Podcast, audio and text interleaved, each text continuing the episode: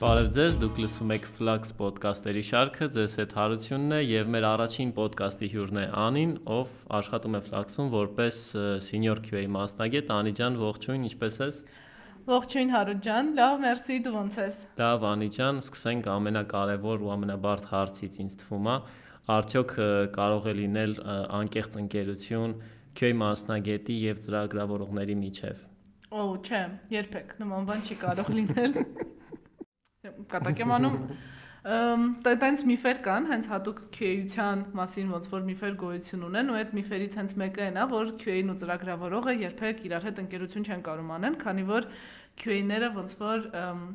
փնովում են այն ամբողջ աշխատանքը, որ ծրագրավորողներն իրականացնում են, թեկուզ իրական կյանքում ոչինչը հենց այդպես չի լինում։ Իրական կյանքում մենք ուղակի նույն թիմում աշխատող անդամներ ենք, նույն թիմի մարդիկ ենք, որոնք որ ունեն նույն նպատակը, սարքել մի product, տալ մի արժեք, որը կլինի որակով, որը կլինի լավը։ Ծրագրավորողն իր մասում է ապահովում որակը, QA-ը իր մասում է ապահովում որակը։ Ու մենք ընդհանրապես թիմի անդամներ ենք, տեղ-տեղ ընկերներ ենք։ Իսկ այդ կոնֆլիկտը, որ կա, օրինակ այդ կարծրատիպը, հա, այդ հումորը տենց հենց դրանից եկավ, որտեղից է այդ կարծրատիպը առաջացել, որ միշտ կա ինչ-որ հակադրություն QA-ների ու ծրագրավորողների միջև չեն սիրում իրար։ Որովհետև լինում են դեպքեր, ոնց որ թիմի մնացած անդամների մեջ, այտենց էլ developer QA-ների մեջ լինում են հակասություններ, այսինքն մենք որոշում ենք, որ չէ, այտենց չպետք է աշխատի, դա բագ է, developer-ն ասում է, որ չէ, դա բագ չի, Դա ձևը տենց է, ինքը տենց պետք է աշխատի, բայց այդ նույն տիպի խնդիրներ լինում են, խնդիր չասեմ, բայց ինչ որ տարաձայնություններ լինում են թիմի բոլոր անդամների հետ։ Կարող ենք թե PM-ների հետ ունենալ տենց հարց, թե ինչ որ HR մասնագետների հետ ունենանք հարց, Ուղղակի, քանի որ QA-ն ու developer-ը տենց մեկը մեկից կախում ունեցող ու մեկի գործը մյուսին հաջորդող գործ է, իրանցը տենց ավելի ակնառու է երևում էտի ու գալիս հասնում է նրան, որ դա հակամարտություն է դառնում, ինչն էլ տեղ-տեղ մենք էլ կատակով, իհարկե միայն կատակով, ոնց որ առաջ ենք տանում էտի ոնց որ դու developer ես, ես քո վրա հիմա բակ կբացեմ եւ այլն, բայց դա իրականում ներքին հումորներ են ու թիմի ներսում ու թիմից դուրս ոչ մի ինչ որ տենց հա- հակամարտություններ չունենք, բայց շատ լավ է որ այդ միֆը կա, որովհետև ինքը տեղի է, տեղի տեղի կա տալիս, որ աշխատանքային process-ում լիքը նոր հումորներ մտածենք ու ավելի հետաքրքիր անցկացնենք գործը։ Շատ լավ, իսկ այ քանի խոսում ենք այդ թեմաներից, ընդհանուր QA մասնագիտությունը, հա, որակի ապահովման մասնագետի մասնագիտությունը շուկայում այսօր ինչ պահանջարկ ունի ու դու որպես մասնագետ զգացել ես ինչ որ հետաքրքրության աճ ու նաև գիտեմ որ դասավանդում ես դու հենց սկսնակներին քեյ մասնագիտություն ավելի լավ հաստատ զգացած կլինես արդյոք կա հետաքրքրության աճ ոլորտում ու ինչ փոփոխություններ տենդենսներ ես նկատում ասեմ երբ որ ես էի սկսվում մի 6 պլյուս տարի առաջ այս ոլորտ մտնելը շատ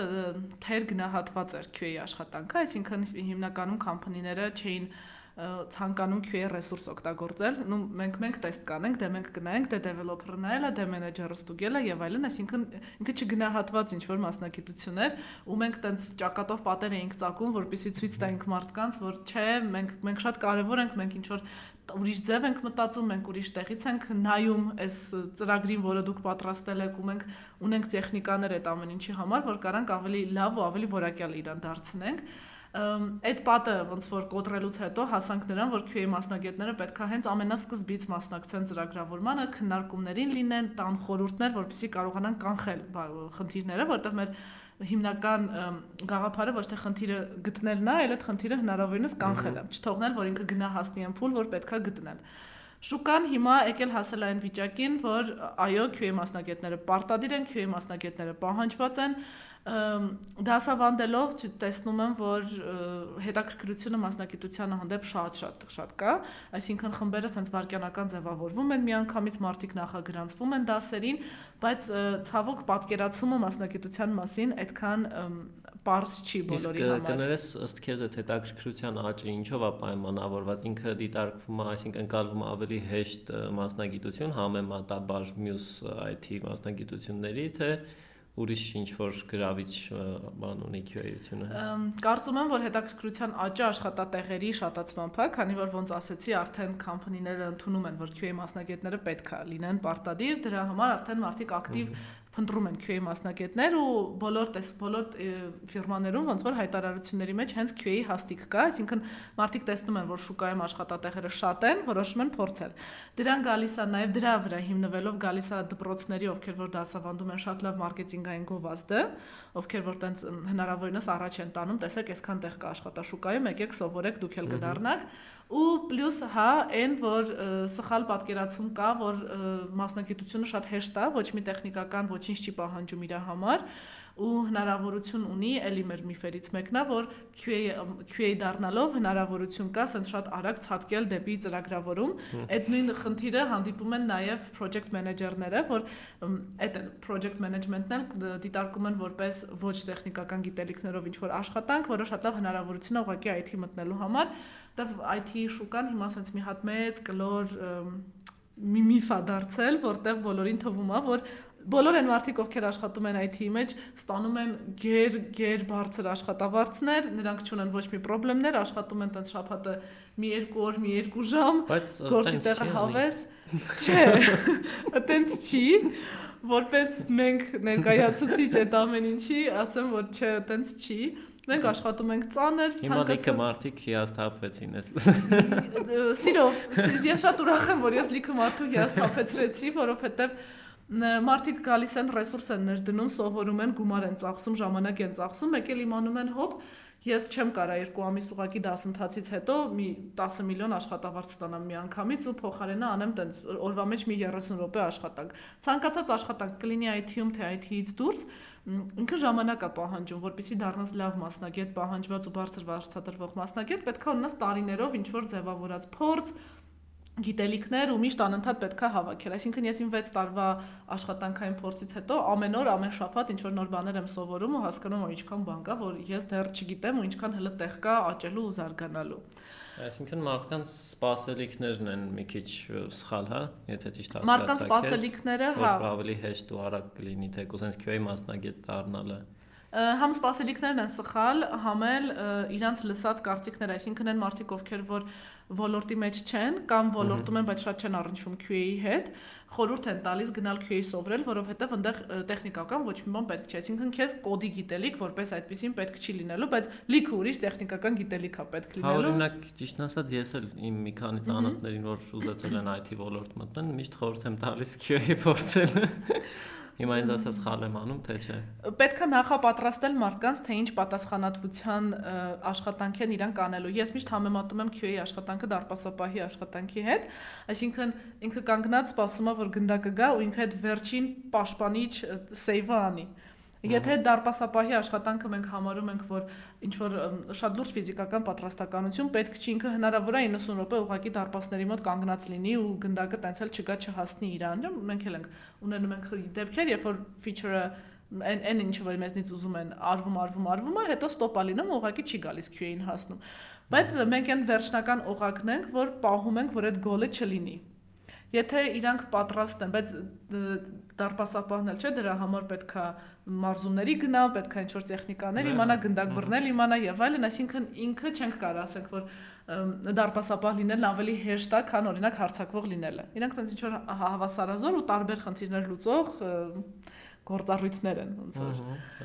նույնն էլ ստեղ եթե իրանք պատրաստ են այդ պատասխանատվությանը եթե իրանք պատրաստ են պետք եղած ժամանակ ամբողջ իրանք ազատ ժամանակի հաշվին գործանել որովհետև մենք հենց վերջնական օգտագործողների հետ ենք աշխատում ու եթե մի բանը վառվում է ուղակի մենք չենք կարող ասենք դե լավ դե թող շաբաթ կիրակին անցնի ես երկու շաբթի կգամ կանեմ այդ եթե ունեն այդքան այդ պատասխանատվությունը խնդիրները վերցնելու եւ արագ լուծելու հնարավորությունը, սովորելու ցանկությունը, իմանալու, որ երկու ամիս դասընթացը դա բան չի, վերջնական արդյունք չի։ Պետք է այդ երկու ամսից հետո գնալ, սովորել, սովորել ու տարիների փորձ ունենալ։ Միանշանակ խորհուրդ տուր, թող գան ես կսովորացնեմ մնացած ամեն ինչ։ Իսկ այ հենց սկսնակներին դու որ այդ հիասթափության process-ը չլինի, այսինքն մարդիկ սխալ պատկերացումներով չգան մտածեն երկու ամսվա կուրսից հետո կարող են արդեն մասնագետ իրենց համարել ու աշխատել ինչ որտեղ, ինչ խորհուրդ կտաս իրանք ոնց տրամադրվեն կամ ոնց սկսեն, եթե կուրսը անցել են կամ չեն անցել, չգիտեմ, ուրիշ ինչ տարբերակներ կա, որ կարան իրանք թեկուզ ինքնազարգացմամբ կամ ուրիշ ինչ տարբերակ կա, որ խորհուրդ կտաս, որ այդ process-ը իրանց մոտ շատ ավելի սահուն ձևով հասնի միջև այն կետը, որ իրանք իրոք դառնան թեկուզ junior level-ի, բայց մասնագետ, որ կարողանան հաջող ձևով այդ ինտերվյուն անցնեն ու ինչ որտեղ սկսեն աշխատել։ Եթե այդ միֆերով սահմանափակված չեն, այսինքն պատրաստ են այդ ներդրումի ժամանակի եւ ֆինանսական իրանք իրանց վրա անեն, ես միշտ խորհուրդ եմ տալի internship-երը, այսինքն դասընթացներից հետո, երբ որ դու արդեն ընդհանուր պատկերացումը գիտես, որոշակի մինիմում տեխնիկական գիտելիքներն ունես, միշտ խորհուրդ եմ տալիս անցնել internship-եր հնարավոր բոլոր կամփանիներում, որովհետեւ internship-ը դա հենց այդ նույն աշխատանքն է, կամ վարձատրվող կամ չվարձատրվող internship-էր, բայց իրանք հենց այն են, որ սովորածդ միանգամից պրակտիկայի մեջ սկսում ես կիրառել ու ավելի լավ ես ճանոթանում, թե օֆիսային աշխատանքը առհասարակ ոնց է տեղի ունենում, թե process-ները ծրագրավորման ոնց են գնում, ու քյոյական աշխատանքն էլ հետը։ Ցանկացած internship ոնց որ ավելի լավ արդյունք է տալիս, քան ուղակի նստել, ինքնուրույն կարդալ, ինքնազարգացումը, ինքնակրթվելը շատ-շատ լավ բան է, բայց երբեք չի հասնի պրակտիկ ինչ որ մի բան անելուն, տեսնելուն։ Դա համար խորհուրդ եմ տալի միշտ անցնել internship ինչ որ միտեղ։ Okay, ապրես շատ, իսկ մի sense հարց ընդհանուր մեր խոսակցությունից sense մոդել տպավորություն եղավ, որ QA-ի մասնագիտությունը ավելի շատ պատասխանատվություն է նաև ենթադրում, որովհետև այդ քո ասածով, հա, եթե դու ես որակի պատասխանատուն, ուրեմն ոնց որ մի շերտ ավել պատասխանատվություն է ենթադրում, իսկ այդ ավելի բարդ չի դարձնում գործը ու ոնց է կարում այդ համատեղեք հա այդ պատասխանատու գործի հետ այդ work life balance-ը հա որ ամեն դեպքում չհոգնեք ձեր այդ ամենօրյա լուրջ աշխատանքից Ամ իրականում պատասխանատվությունը մենակ QA-ն է, չի, հա, որակի պատասխանատուն որպես այդպեսին մենք ենք, հենց այդ quality assurance, որակի ապահովումն էլ ասում է Իրանը, բայց պատասխանատվությունը դա թիմի թիմի պատասխանատվությունն է։ Նույն այդ վերոնշյալ ֆուտբոլի օրինակով, երբ որ գոլ է գնում, այսինքն գնդակը հասնում է դարպասին, դա դարպասապահի մեղքը չի լինում։ Դա առհասարակ ինչ որ մեկի մեղավորությամբ չի լինում։ Ուղղակի թիմը ստանում է հակառակորդ թիմը ստանում է +1 միավոր։ Դրա արդյունքում պետք է համախմբվել, փորձել հակառակ հարվածը տալ։ Նույնն էլ ըստեղ, երբ որ որակը չի ապահովում կամ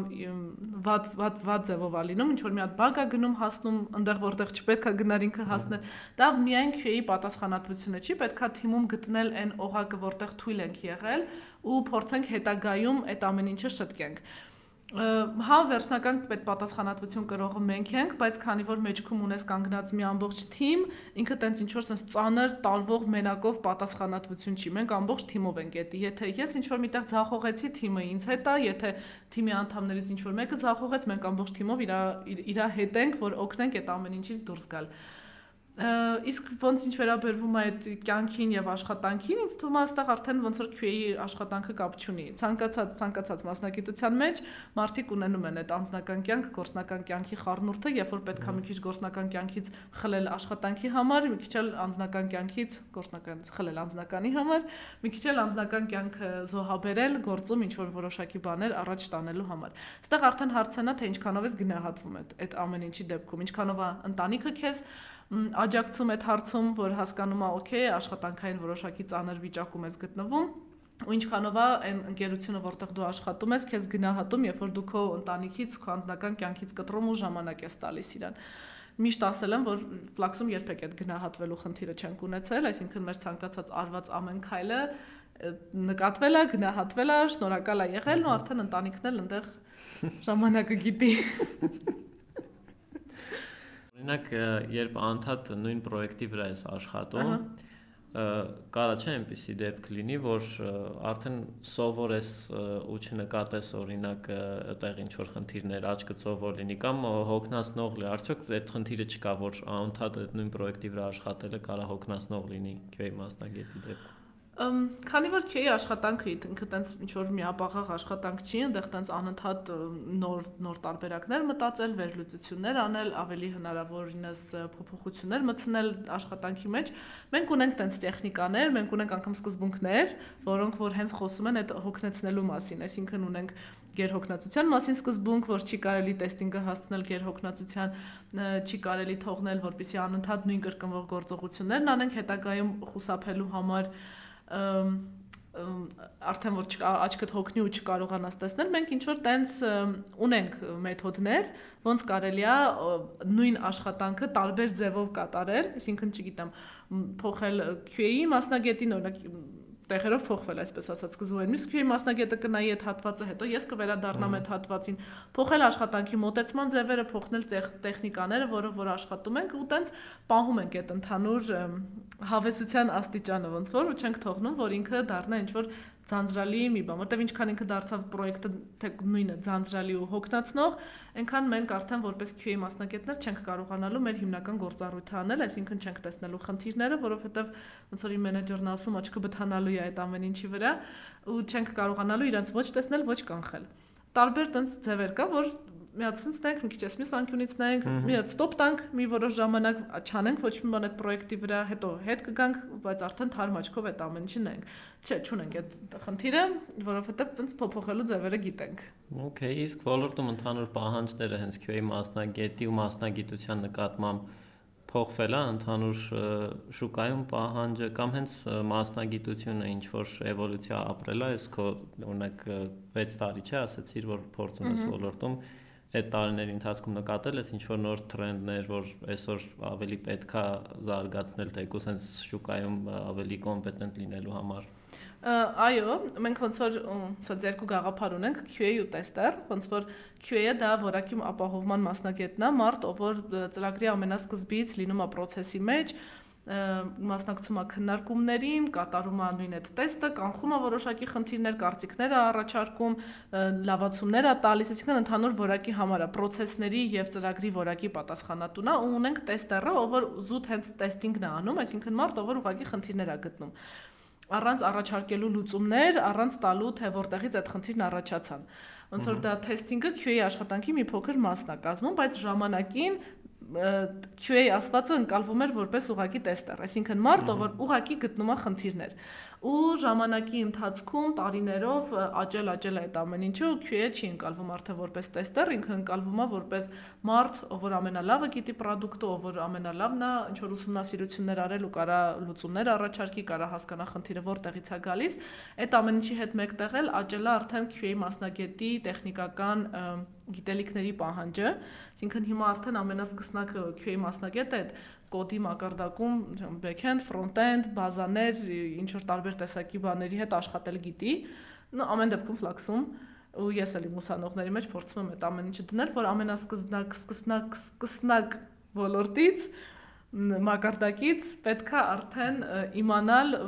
ոնց է process-ները իրականացվում տեխնիկական տեսանկյունից։ Այսինքն տակից կոդ կոչվածը ոնց է աշխատում։ Տեխնիկական մտածողությունը ընդհանրապես։ Մտածողությունը ու գիտելիքները։ Հիմա դրանք են գնալով ավելի շատ աճում ու դառնում են սովորական QA մասնագետի համար, ոչ թե benefit արդեն որպես առավելություն, այլ ուղղակի սովորական, որ QA մասնագետը դա պետք է իմանա։ Իսկ քո համար հենց որպես մասնագետ աճելու սովորելու ինչ տենց հետաքրքիր սորսեր կան, որ կարա սկիզբես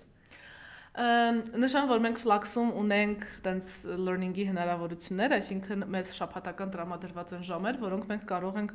աշխատանքի ժամին, աշխատանքի հաշվին ծախսել հենց սովորելու վրա։ Վիդեո դասերը, article-ները տարբեր տեսակի, որոնք պետքա կարելի է կարդալ, որոնք էլ թե ինչի մասին կլինի, գալիս է արդեն ֆիրմայի ներսում ինչի կարիքը կա։ Դրանից է գալիս թե ինչ կսովորենք ու ունենք նաև մեր QA-ների մեջ շատ լավ